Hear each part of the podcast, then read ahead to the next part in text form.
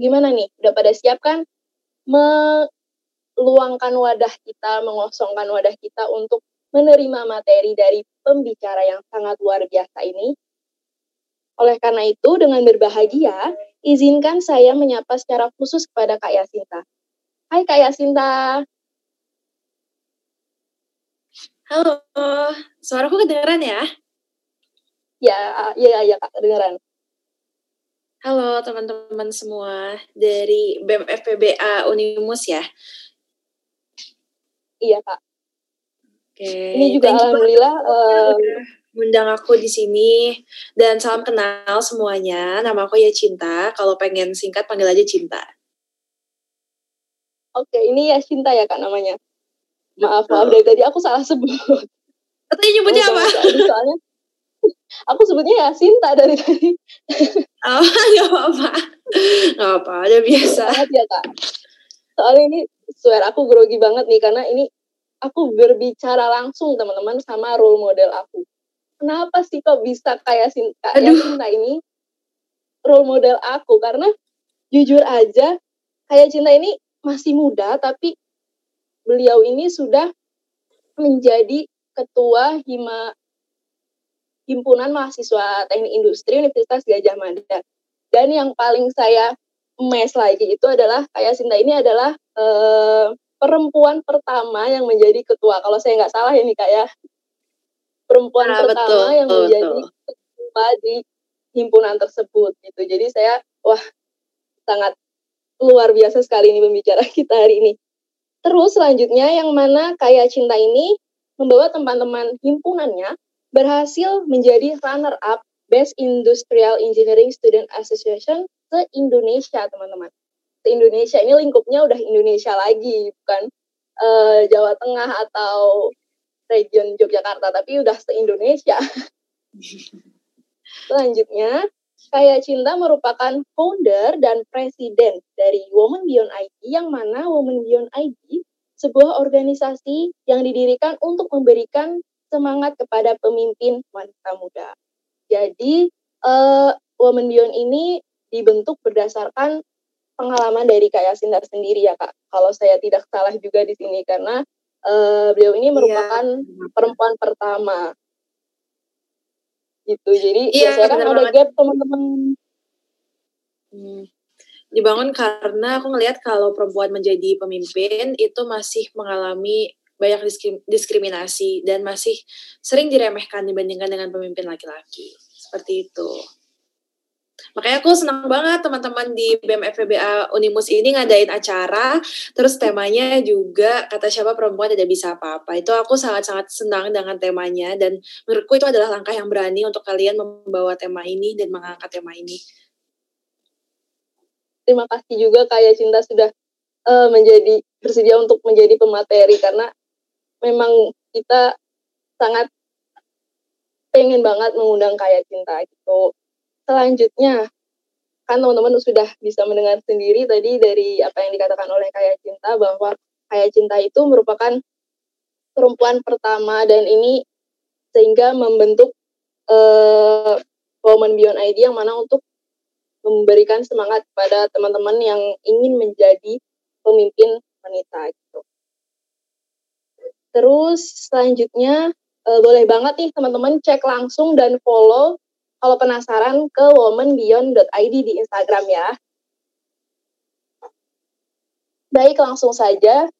Uh, mengingat waktu dan juga uh, selanjutnya masih ada pemateri.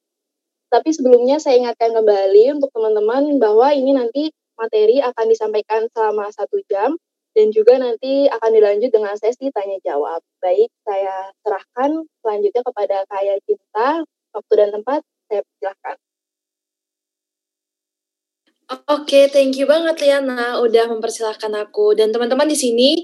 Halo semuanya sekali lagi kalau misal teman-teman mau menyalakan kamera misalnya nih supaya kita juga ngobrolnya lebih enak boleh banget ya.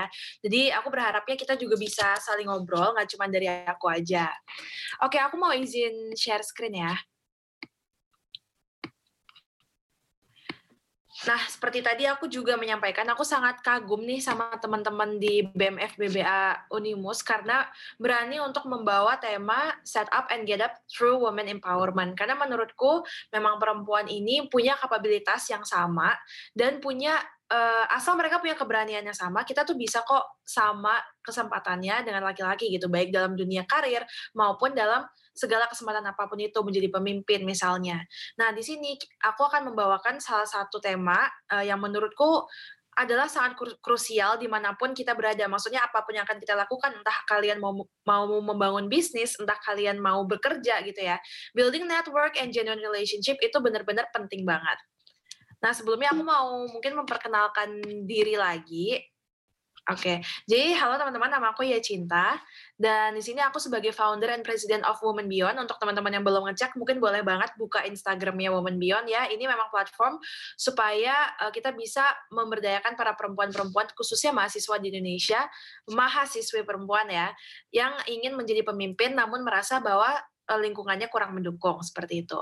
Selain itu, ini juga memang mulai dari keresahan aku sendiri sebagai waktu itu jadi ketua himpunan perempuan pertama di himpunan mahasiswa teknik industri UGM, yang mana aku merasakan bahwa memang perempuan ini masih sering dibandingkan dan masih sering diremehkan nih dibandingkan dengan pemimpin laki-laki. Nah, terus kalau sekarang kesibukanku sendiri, aku sekarang lagi magang di Jakarta. Jadi teman-teman kalau ada yang di Jakarta boleh banget nih besok-besok kalau mau ketemuan. Nah, aku lagi magang di Pinhome, suatu startup. Kemudian aku juga dapat uh, beasiswa WLI dari McKinsey sama Excel Future Leaders. Mungkin ada beberapa yang bagi teman-teman sudah cukup familiar. Nah, di sini aku mau menyampaikan mengenai building network. Nah, kenapa sih sebenarnya building network itu penting banget? Teman-teman tahu nggak sih kalau sebenarnya mungkin teman-teman sekarang sering ngecek uh, nyari-nyari magang, nyari-nyari kerjaan itu biasanya online ya, misal di Glints, di Caliber dan tempat-tempat seperti itu. Tapi sebenarnya di situ itu hanya 30% dari jumlah pekerjaan di Indonesia ini yang ada online gitu, yang memang dibuka untuk publik. Sementara 70%-nya itu biasanya mereka berdasarkan networking atau berdasarkan referral. Jadi maksudnya adalah misalnya aku sendiri pun merasakan ya, aku sekarang magang di startup dan itu aku sama sekali nggak apply online, tapi memang benar-benar karena teman temenku ada yang kerja di situ, kemudian dia nge-refer aku ke manajernya gitu. Terus aku bisa langsung wawancara. Nah ini benar-benar nyata ya teman-teman. Aku pun melihat ini di teman-temanku yang lain karena mereka banyak banget yang mendapatkan kesempatan-kesempatan itu karena networking. Bahkan bukan karena mereka apply online gitu. Makanya eh, tentu aja penting untuk teman-teman punya uh, punya skillsnya untuk bisa apply apply pekerjaan online atau mungkin organisasi secara online tapi teman-teman harus tahu bahwa waktu yang teman-teman berikan itu seharusnya diprioritaskan untuk building network daripada hanya fokus kepada oh daftar daftar daftar nih bagusin CV segala macam. Tapi networknya kurang gitu. Padahal network ini merupakan hal yang sangat penting. Oke. okay.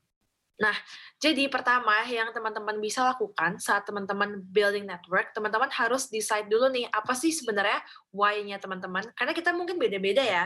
Ada yang pengen uh, kerja di startup, ada yang pengen bangun bisnis, terus mungkin ada yang pengen bangun komunitas sosial gitu. Yang mana semuanya pasti kita butuh network dong supaya kita bisa uh, bagus di situ, supaya kita bisa paling maksimal di mana pun field yang kita tuju. Makanya kita harus tahu dulu nih apa sih sebenarnya why-nya kita kenapa kita butuh untuk network dengan orang-orang tertentu.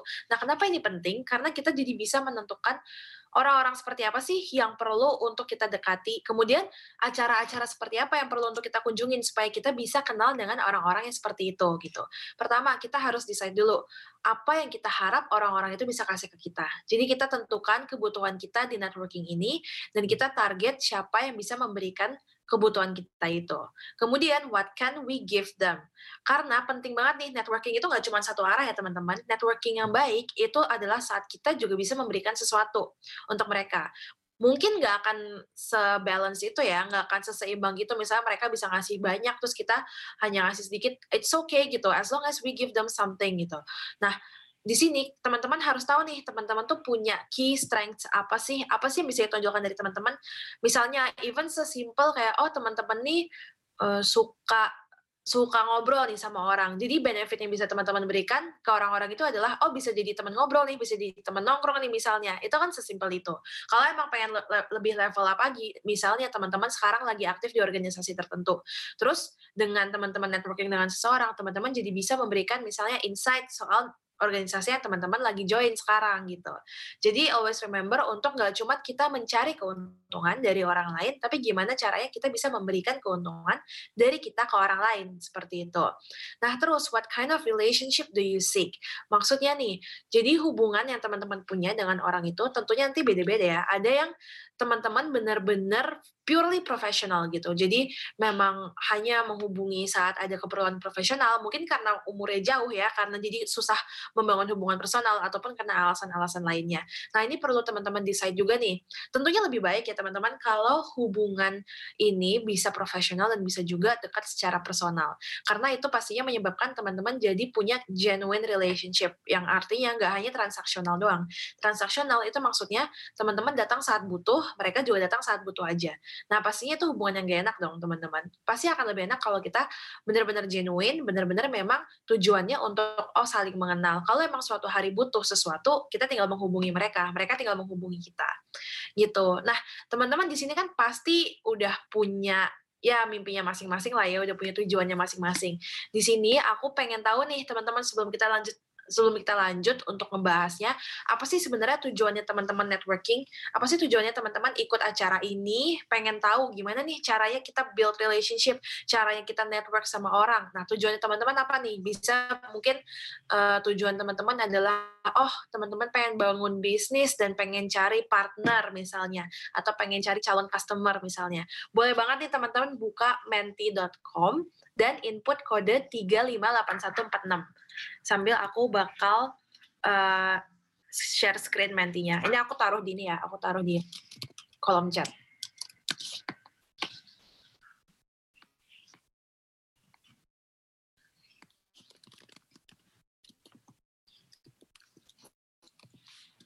Oke. Teman-teman nggak kesulitan kan ya untuk buka mentinya?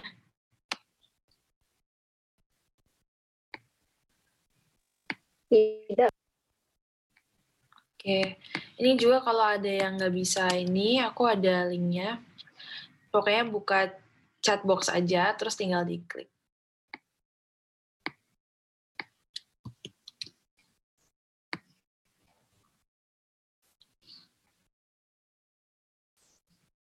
Udah pada bisa buka, teman-teman?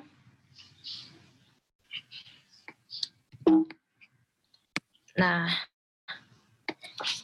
boleh banget nih teman-teman langsung isi aja tujuannya teman-teman networking itu apa sih gitu. Jadi kan aku juga minta teman-teman untuk pikirkan dulu nih why-nya tuh apa.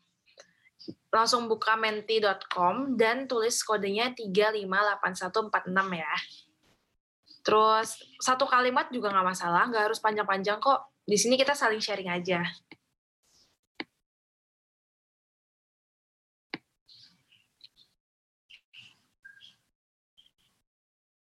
Ini pada bisa buka kan ya? Oke, mantap. Udah ada yang ngisi nih. Memperbesar peluang mendapat pekerjaan. Ya, ini bener banget ya, karena kita pastinya butuh networking nih untuk mendapatkan pekerjaan. Karena lagi-lagi tadi 70% dari seluruh pekerjaan itu sebenarnya didapatkan lewat networking. Dan yang dibuka untuk publik itu hanya 30%. Jadi penting banget nih networking untuk memperbesar peluang mendapat pekerjaan. Oke, memudahkan dalam segala urusan. Ya, pasti ya. Mungkin bisa lebih spesifik juga ya teman-teman, misal teman-teman pengen tujuannya apa nih, biar teman-teman tuh tahu target orang-orang yang pengen teman-teman dekati seperti apa. Nah ini menarik, bisa mengetahui pengalaman di luar bidang. Ini bagus banget ya. Jadi teman-teman udah punya expertise tertentu dan pengen memperluas knowledge dengan kenal nih dengan orang-orang yang punya expertise di bidang tertentu. Ini benar banget nih. Jadi bisa belajar langsung ya dari orang-orang yang expert di bidang lain boleh nih teman-teman diisi apa sih tujuannya teman-teman networking? Oh, surround with people who has the same energy. Iya dong, pasti kita lebih nyaman ya kalau ngobrolnya sama orang-orang dengan ya mirip-mirip sama kita lah gitu. Misalnya kita ya suka hangout, mereka juga suka gitu. Pasti uh, feels positive gitu ya kalau kita bisa surround with people who has the same energy membuka lebih banyak kesempatan untuk memudahkan saya mendapatkan pekerjaan di bidang pendidikan. Nah, bagus nih, spesifik banget nih, bidang pendidikan gitu. Jadinya kita tahu, kita harus mendekati orang-orang yang memang fokusnya di situ juga. Memperluas relasi. Iya, bener banget. Boleh nih teman-teman, aku tunggu teman-teman untuk ngisi lagi sampai dua menit lagi kali ya.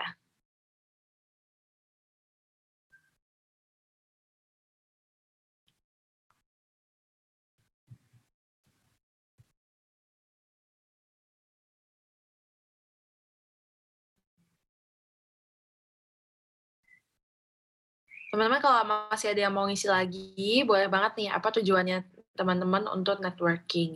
Biar di sini kita bisa nentuin sebenarnya target network teman-teman itu seperti apa sih gitu.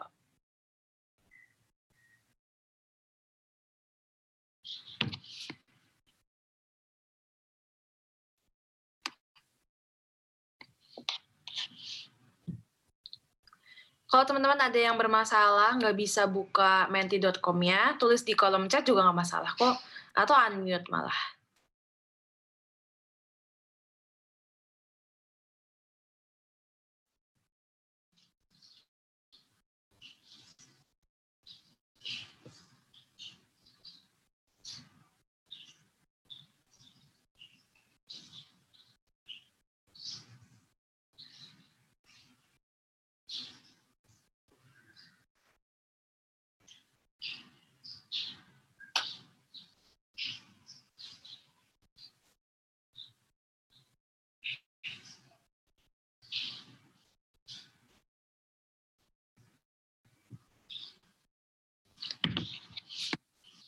Oke, kayaknya belum ada lagi ya yang add. Kalau gitu aku akan ngelanjutin lagi ke presentasi tadi. Thank you banget untuk teman-teman yang udah ngisi dan udah ngejelasin nih teman-teman tuh tujuan untuk networking ini apa aja. Dan tadi kan beda-beda ya, jadi ada yang untuk belajar dari orang yang expert di bidang lain, ada yang pengen memperluas relasi, kemudian ada juga yang pengen uh, nyari teman-teman yang di bidang pendidikan gitu aku harapannya sih teman-teman yang lain meskipun nggak ngisi, teman-teman tahu ya tujuan dari teman-teman networking itu apa aja, biar teman-teman jadi tahu nih apa target teman-teman dalam networking ini. Oke, nah terus nih, misal kita udah tahu nih tujuan kita apa, dan kita udah menemukan, oke, aku mau kenal dengan orang A nih, udah ada nih orang yang pengen kita deketin. Nah, yang pertama teman-teman harus lakukan, teman-teman harus research dulu. Jadi teman-teman research dulu nih, kira-kira si orang ini, misalnya aku pengen kenal sama Liana nih, aku pengen banget nih kenal sama Liana, Liana keren banget gitu. Nah, pertama, sebelum aku mungkin aku deketin dia atau aku ngajak dia ngobrol, aku harus cari tahu dulu, kita tuh punya kesamaan gak sih sih? We have to find our common ground gitu. Apakah kita misalnya kita dari univ yang sama misalnya, atau kita pernah dapat program yang sama, atau mungkin kita sekarang lagi menuju goal yang sama, misalnya sama-sama punya uh, perusahaan gitu misalnya. Nah, kenapa common ground ini penting? Karena orang cenderung akan lebih terbuka kalau kita punya kesamaan gitu kan. Jadi misalnya nih kalian kenalan dengan alumni yang satu univ pasti akan lebih enak daripada kalian kenalan sama mahasiswa yang alumni univ lain gitu kan karena ada rasa oh ini satu alma mater nih misalnya kayak gitu atau mungkin pernah ngikutin program yang sama atau sekarang lagi menuju goal yang sama gitu jadi finding common ground itu penting banget dan ini bisa jadi topik pertama yang dibahas oleh teman-teman dengan orang itu gitu Makanya finding common ground ini penting banget. So you have to do your research. Benar-benar cari tahu orang ini tuh pernah uh, di mana aja orang ini tuh pernah ngapain aja dan sekarang lagi menuju ke mana gitu. Kemudian yang kedua juga find out their interest. Nah tentunya teman-teman kalau networking kalau lagi kenalan sama orang pasti perlu nyari topik dong gitu kan. Gak mungkin cuma sekedar kenalan terus udah gitu. Nah itu bukan networking namanya, itu cuma kenalan doang. Tapi nggak ada network yang berarti antara teman-teman dengan target itu. Nah makanya you have to find out their interest. Gimana sih caranya find out their interest? Ya sesimpel kayak misal teman-teman nge-follow IG-nya, terus tahu cari tahu nih orang ini suka ngepost apa sih, suka nge-story apa sih, atau cari-cari di LinkedIn-nya nih orang ini pengalamannya di mana aja. Pasti akan kelihatan kan kira-kira topik seperti apa yang orang ini suka gitu. Nah, terus cari topik yang emang teman-teman juga mungkin tertarik untuk bahas. Kayak misal nih uh, teman-teman suka ngebaca eh ngebahas soal entrepreneurship gitu atau social work. Nah, ini bisa banget nih untuk dijadikan topik teman-teman uh, bicara dengan orang itu gitu. Nah, kenapa ini juga penting? Karena dengan seperti ini teman-teman menunjukkan bahwa ada effort yang keluar dari teman-teman untuk memahami interest dari orang itu gitu. Dan uh, pada akhirnya orang itu juga pasti akan welcome teman-teman dengan lebih baik dan tentunya akan lebih nyambung juga. Kemungkinan untuk bisa long term networkingnya juga lebih tinggi. Jadi teman-teman harus do research dengan pertama finding common ground dan yang kedua find out interest mereka apa. Nah, terus gimana sih caranya kita network? Sebenarnya acara-acara seperti apa yang kita bisa mungkin datengin untuk networking nih dengan orang. Yang pertama tentunya lewat conference, lewat events gitu ya, yang memungkinkan kita ketemu dengan orang-orang baru. Kemudian yang kedua nih, recommendation from a friend. Ini juga penting banget. Sama yang ketiga, bisa lewat LinkedIn. Karena sekarang itu the powerful uh, powerful strength of LinkedIn adalah kita bisa networking dengan siapa pun secara online. Bahkan kita nggak perlu datang ke acaranya gitu. Nah, pertama aku mau jelasin dulu nih soal conference and events. Jadi banyak banget network yang aku dapetin juga itu karena event, conference, atau program-program serupa.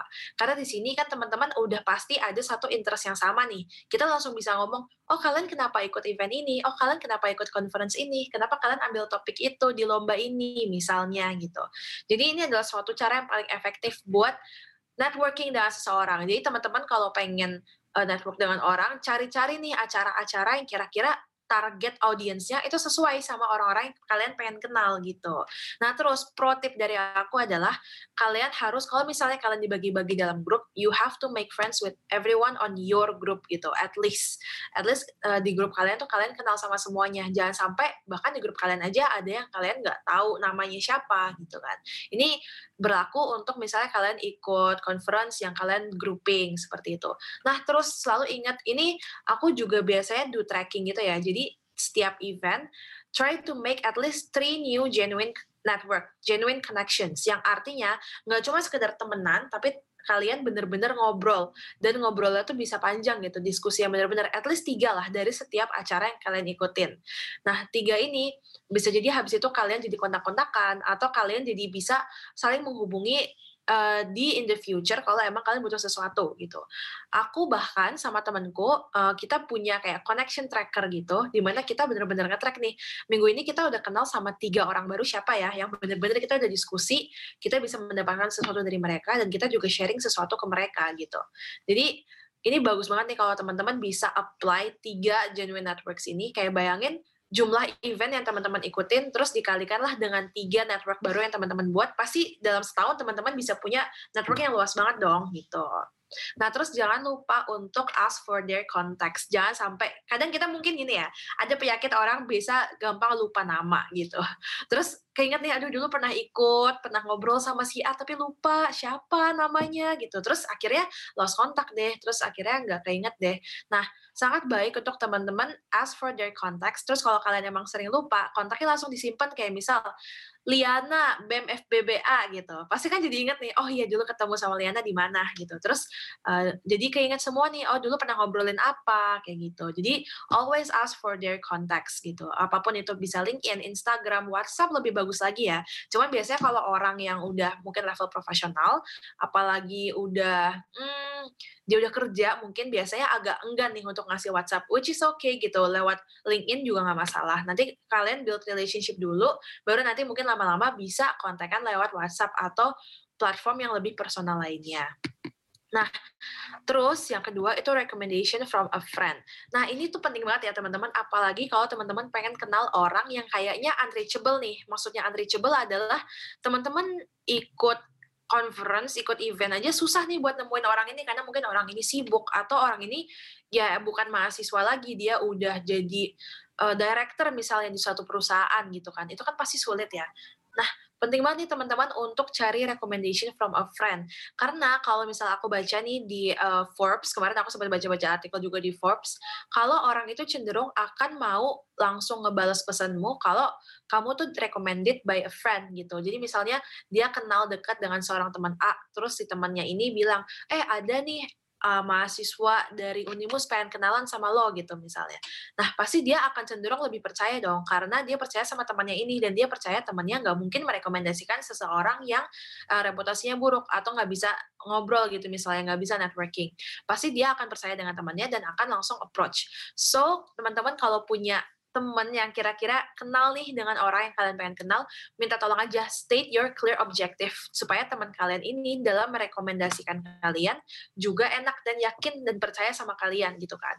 Karena if you make mistakes pasti dia akan uh, disalahkan dong sama temennya itu. Jadi you have to state your clear objective misalnya eh Liana kenalin gue dong ke Mas A ini karena gue pengen gini gini gini gitu.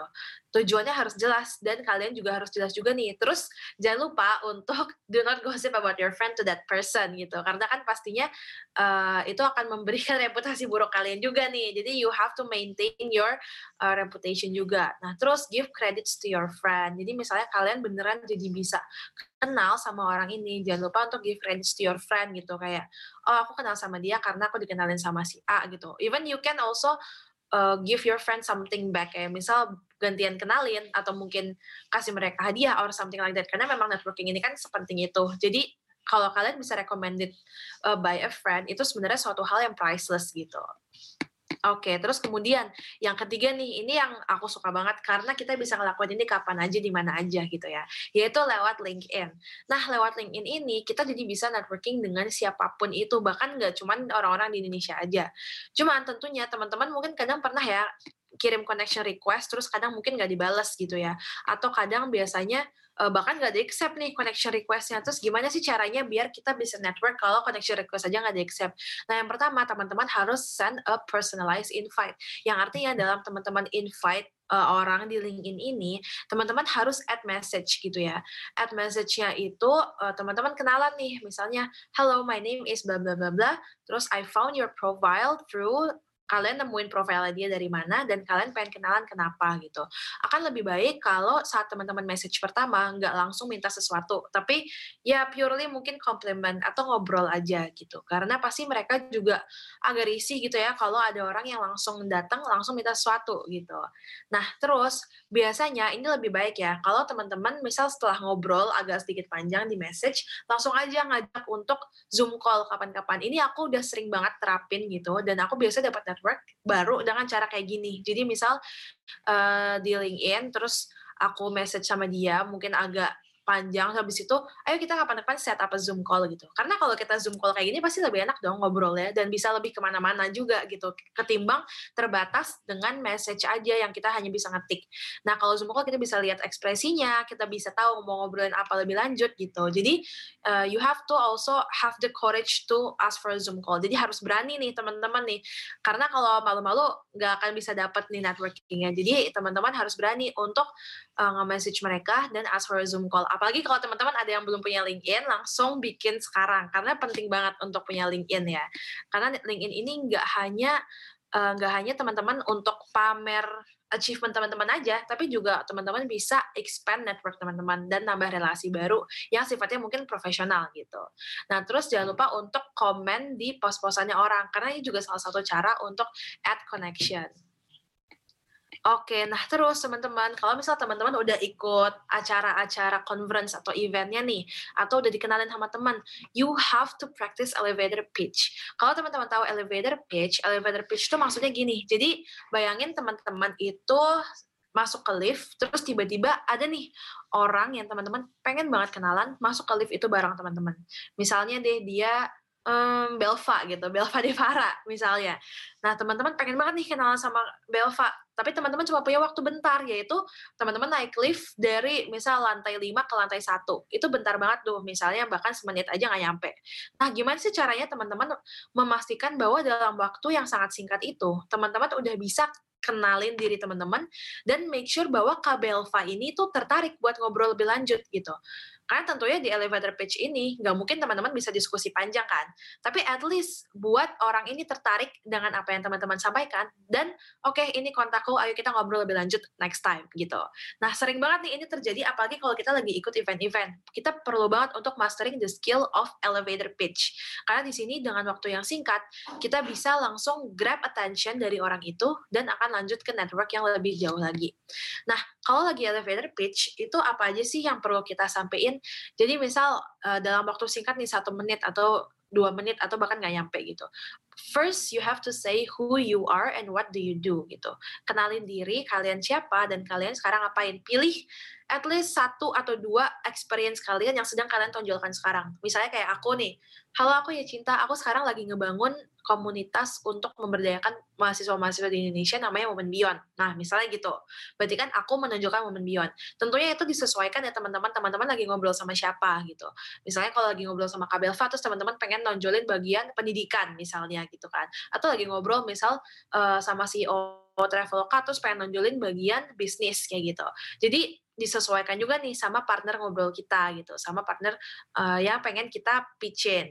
Nah terus after you say who you are and what do you do, uh, kasih tahu juga nih what makes you unique. Jadi maksudnya apa sih sebenarnya yang beda dari teman-teman gitu? Apa sih yang membuat oh teman-teman ini nggak cuma sekedar orang yang masuk di lift sama dia terus ya udah kenalan doang gitu tapi there is something about you that orang ini harus cari tahu lebih lanjut gitu. Jadi apa sih yang unik? Terus what you can offer to them. Jadi misalnya kalian uh, udah kenalin diri, habis itu kalian kasih tahu nih, kalian bisa ngebantu si Kabelva ini gimana caranya gitu. Terus atau kalian bisa uh, add value ke Kabelva gimana caranya atau Kabelva bisa add value ke kalian gimana caranya. Kenapa penting untuk orang ini untuk kenal lebih lanjut sama kalian, untuk diskusi lebih lanjut sama kalian. So you have to say what you can over to them. Nah, habis itu yang keempat, call to action, of course, itu ya. Jadi, apa sih yang bisa dilakukan oleh orang ini, oleh Kabelva ini, untuk bisa kontak kalian lebih lanjut. Misalnya, oh ya kak, kalau tertarik, bisa langsung, uh, ini nomor teleponku. Misalnya kalian udah punya kartu nama nih, ini kartu namaku, langsung aja hubungin ya kak, gitu. Atau, uh, kalian bisa minta langsung aja gitu atau Kabelva bisa minta dihubungin lewat mana kayak gitu. Jadi empat struktur ini ini penting banget untuk dilakukan saat lagi elevator pitch. Who you are and what do you do, what makes you unique, what you can offer to them, sama call to action. Mungkin aku juga mau nunjukin suatu video ya uh, yang menunjukkan suatu contoh elevator pitch kalau teman-teman masih penasaran nih sebenarnya elevator pitch itu maksudnya apa. Oke, okay, wait, aku mau share audionya juga. Nah, ini aku dapat dari uh, dari YouTube karena sebenarnya banyak banget nih yang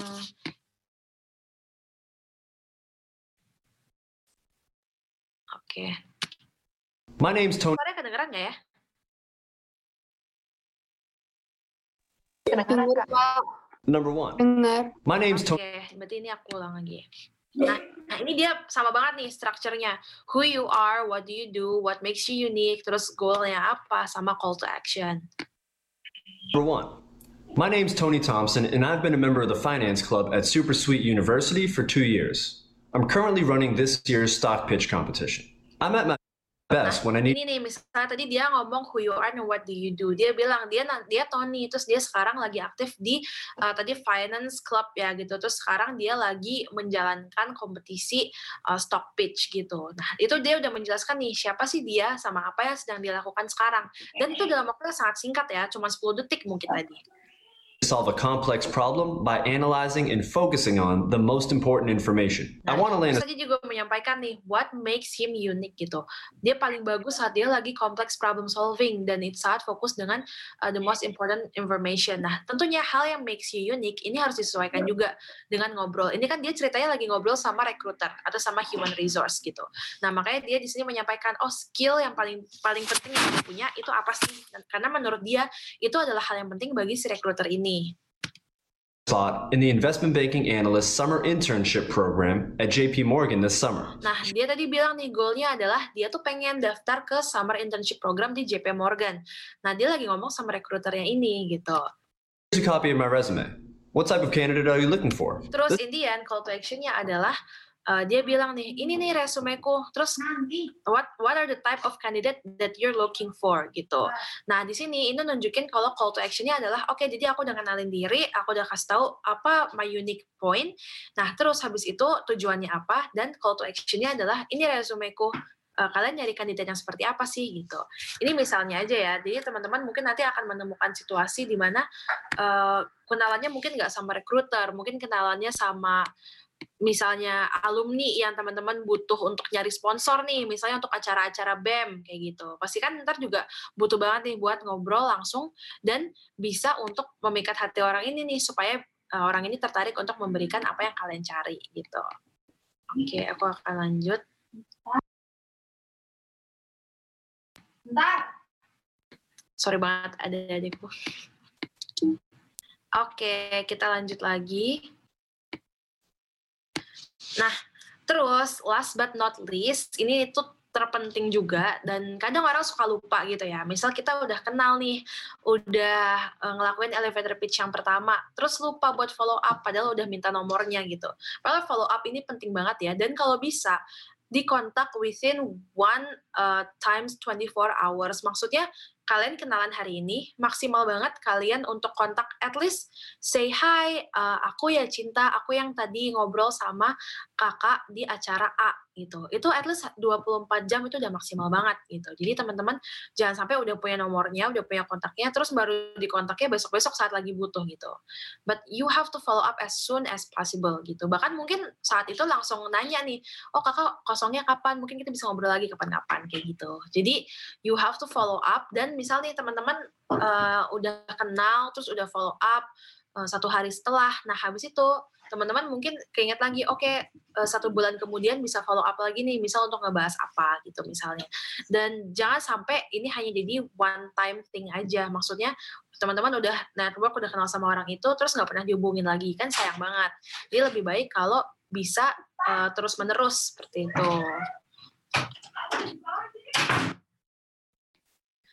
Oke, sebenarnya itu aja nih teman-teman untuk materi dari aku mengenai uh, relationship builder sama network building.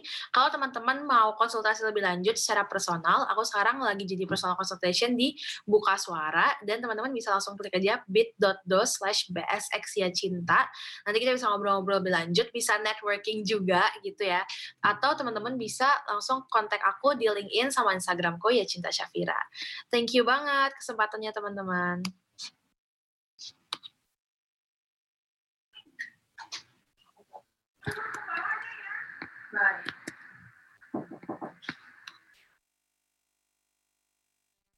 Oke, terima kasih Kak ya. Saya cinta atas penyampaian materinya yang sangat luar biasa. Aku sampai bengong-bengong ngeliat ngeliat materi yang disampaikan. Nah, teman-teman gak kerasa banget ya.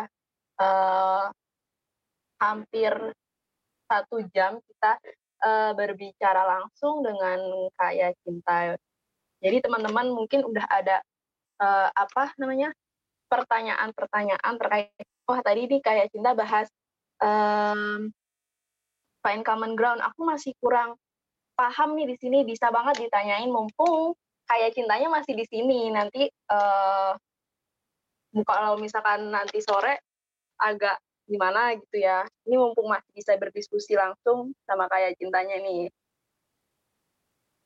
Bisa raise hand langsung nanti di unmute atau langsung via chat untuk pertanyaannya. Nah, mungkin sambil menunggu sambil menunggu dari teman-teman bisa dimulai dari moderatornya dulu ya. Nah, jadi aku ada pertanyaan nih, Kak ya cinta um, untuk terkait relasi-relasi seperti itu. Nah, uh, jujur aja dari aku sendiri tuh masih agak kurang ya uh, kalau misalkan mau menghubungi sponsor atau misalkan apa itu mungkin kayak cinta ada uh, tips atau biar pro, apa proposal kita tuh dilirik gitu sama uh, yang kita kirimkan proposal untuk menjadi sponsor gitu kak. Oke, kalau dari aku nih bener banget emang masalah mahasiswa tuh nyari sponsor ya buat event. Makanya tadi aku juga nyinggung. Kalau menurutku dalam mengirim sponsor itu kita kemungkinan untuk dilirik kalau kita cuma sekedar oke okay, kita ngelis perusahaan terus langsung kirim aja itu kemungkinannya pasti sangat kecil. Nah, gimana caranya biar dilirik? Itu adalah kita bisa network dulu dengan orang yang kerja di perusahaan tersebut dan minta direkomendasi. Makanya tadi aku bilang nih rekomendasi itu penting banget gitu. Jadi kita cari nih mungkin alumni yang pernah di situ atau siapa yang kita kenal di situ. Kita pitch dulu ke orang itu. Nah, tentunya uh, jangan langsung kayak eh tolong dong ini bilangin ke orang-orang perusahaanmu nih ya gue mau minta sponsor dan langsung kayak gitu. Tetap kita juga harus pitch ke orang itu meskipun kita dekat atau meskipun uh, dia alumni gitu kan. Kita harus meyakinkan orang ini kenapa sih uh, penting untuk ngerekomendasiin kita? gitu. Jadi uh, kita pitch ke orang itu, terus orang itu udah convince, baru nanti dia bisa bantuin nih dari dalam. Karena menurutku emang susah banget kalau kita cuma kirim cold proposal gitu ya istilahnya. Jadi bener-bener uh, ngirim-ngirim aja, tapi kita nggak ada approach di luar itu gitu. Jadi menurutku penting banget buat nyari network di dalam uh, perusahaan yang kita lagi incer gitu. Oke, makasih kayak Cinta atas jawabannya mungkin bisa nanti bisa diimplementasikan oleh teman-teman di sini ya. Gak cuma aku aja nih aku yakin teman-teman juga semuanya berorganisasi di sini. Benar-benar banget benar banget. Baik teman-teman yuk langsung aja uh, yang ingin bertanya silahkan raise hand atau mungkin perkenalkan diri di kolom chat. Saya Liana Rahmawati dari BEM FBA terus langsung pertanyaannya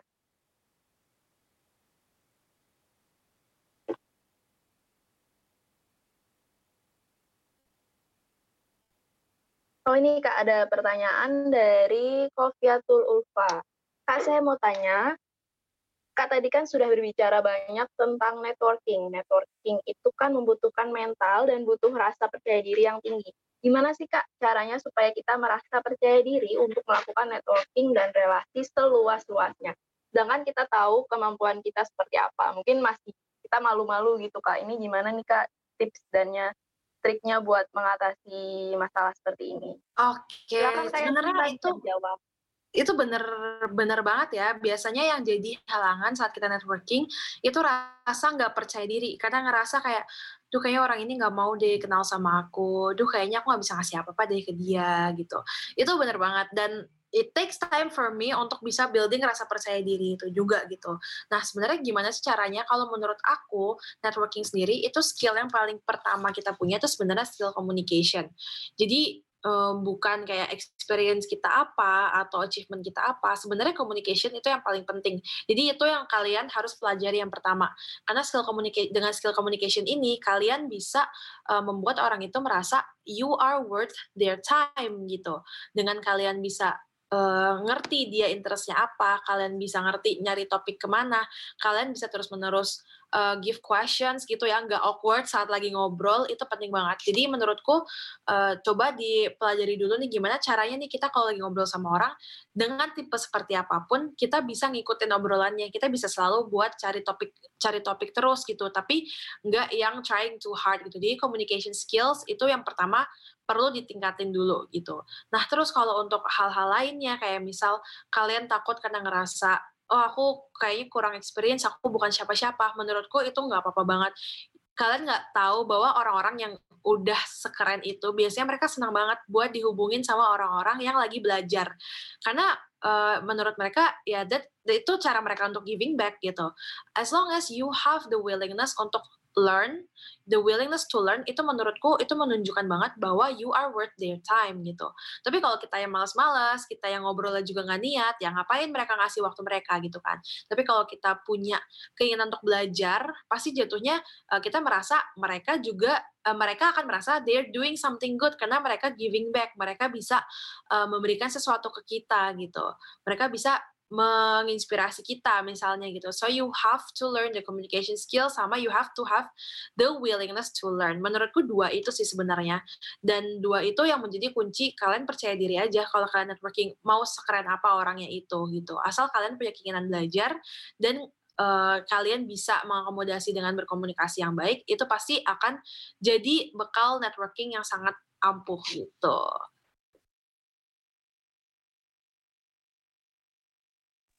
Oke, terima kasih Kak ya Cinta atas yeah. jawabannya. Thank you juga uh, Hoviatul Ulfa atas pertanyaannya.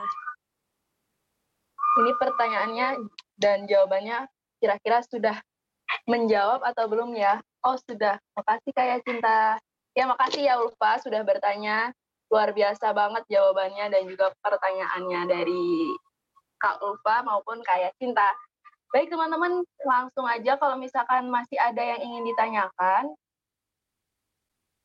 boleh banget yuk ditanyain. Ini waktunya masih panjang banget sih buat sesi diskusi. Sayang banget soalnya kalau misalkan ini kan niatnya networking ya, tapi di sini teman-teman malah diem-dieman gitu. Bener nih harus di timbulin nih mana nih willingness to learn sama uh, percaya dirinya nih buat networking. Bisa latihan di sini nih mumpung. Bisa banget ditanyain. Ini bagus banget loh. Bisa ngobrol secara langsung berdiskusi sama kayak cinta. Ayo siapa lagi nih yang mau tanya? Silakan, silakan.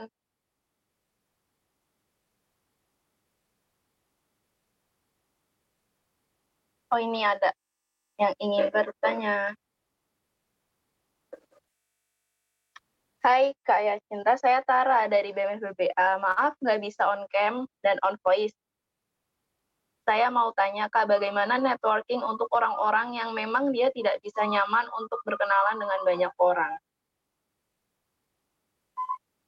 Mungkin uh, terkendala misalkan uh, banyak temen yang ada yang introvert, extrovert gitu kak. Dari teman-teman introvert kan biasanya uh, malah semakin lemah gitu ya energinya kalau misalkan bertemu sama orang banyak.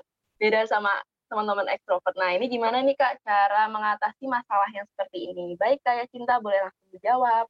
Oke, okay, thank you Tara pertanyaannya. Kalau menurut aku, networking itu justru nggak mengharuskan kalian untuk berada di lingkungan yang banyak orang kok gitu.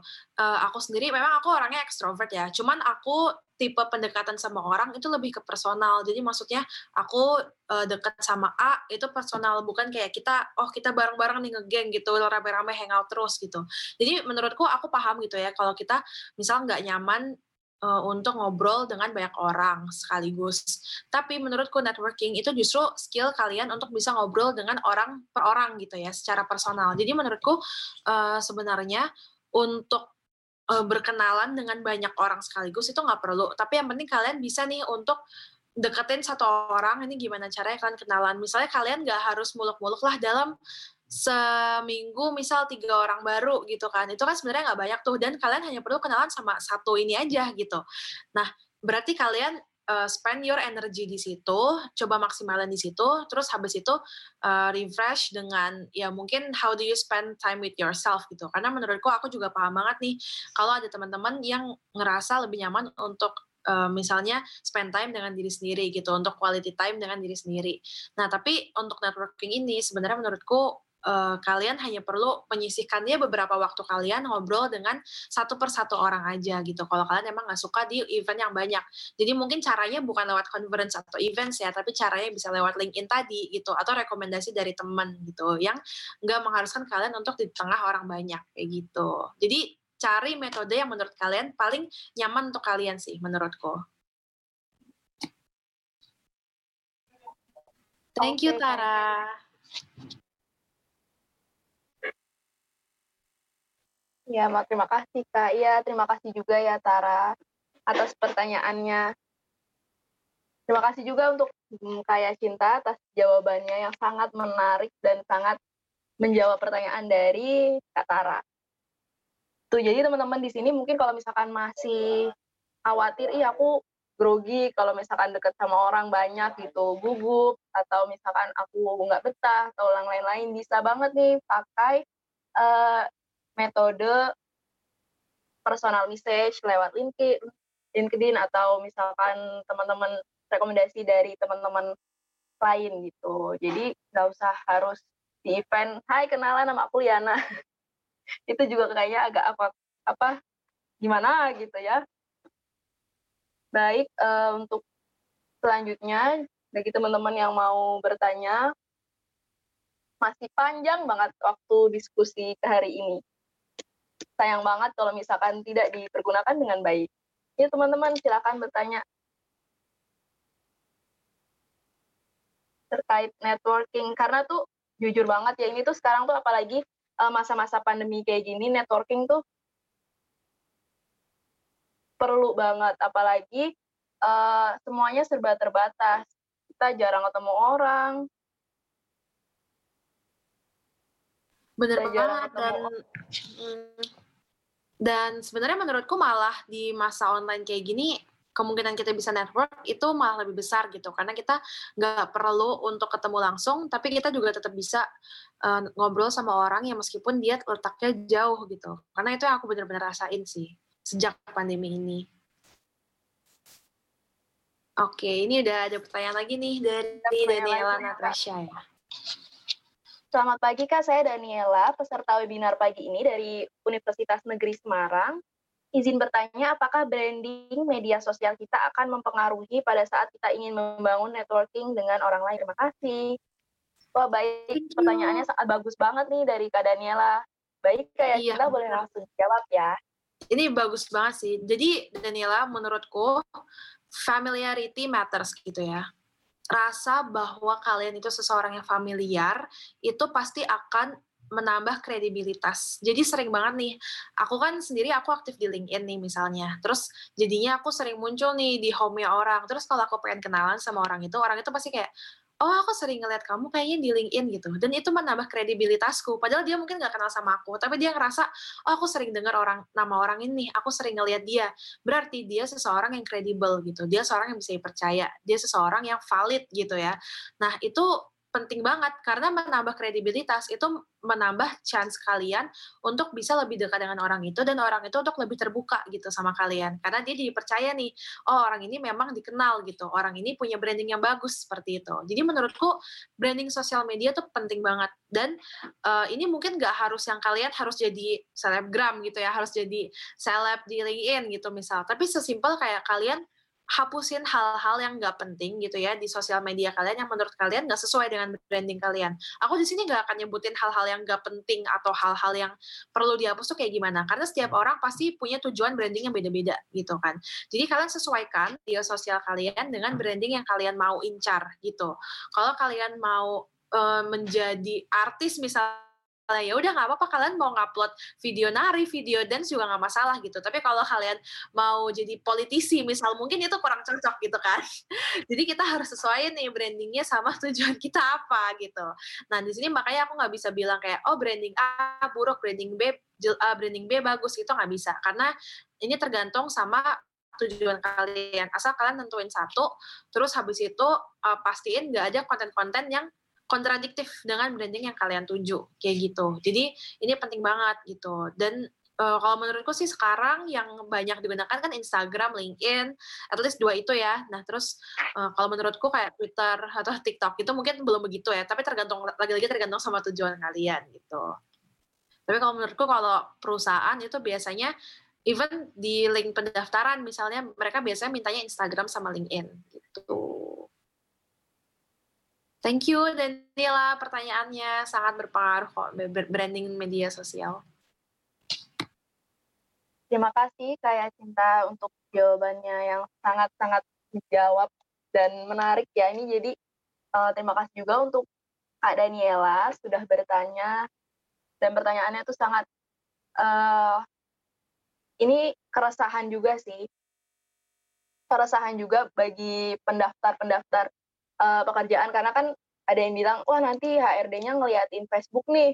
Facebook zaman dulu kan alay-alay masih zamannya alay-alay gitu ya. Jadi uh, ini sangat menarik gitu untuk ditanyakan. Iya dia oh, ya? tuh yang alay-alay. Dia pusin di private.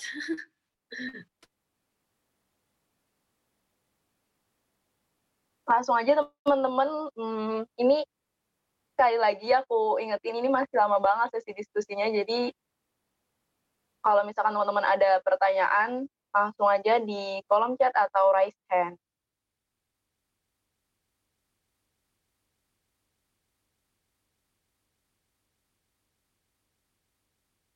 Mungkin teman-teman ada keresahan selama networking. Oh sampai, oh iya iya kak, Oh ya ini mungkin uh, dari dari saya teman-teman ini ada yang ingin aku sampaikan. Jadi mungkin uh, dari Mbak Cintanya ada kegiatan lanjut karena ini kan tadi juga sudah uh, banyak juga lumayan dari sesi diskusinya ada beberapa pertanyaan sudah tiga uh, untuk sesi materi dari Mbak Yacinta mungkin saya cukupkan ya karena dari Mbak Cintanya ada bentar Mbak dari Mbak Cintanya di sini ada kegiatan selanjutnya gitu. eh, teman-teman sebelum saya tutup, ini ada beberapa kesimpulan dari materi hari ini.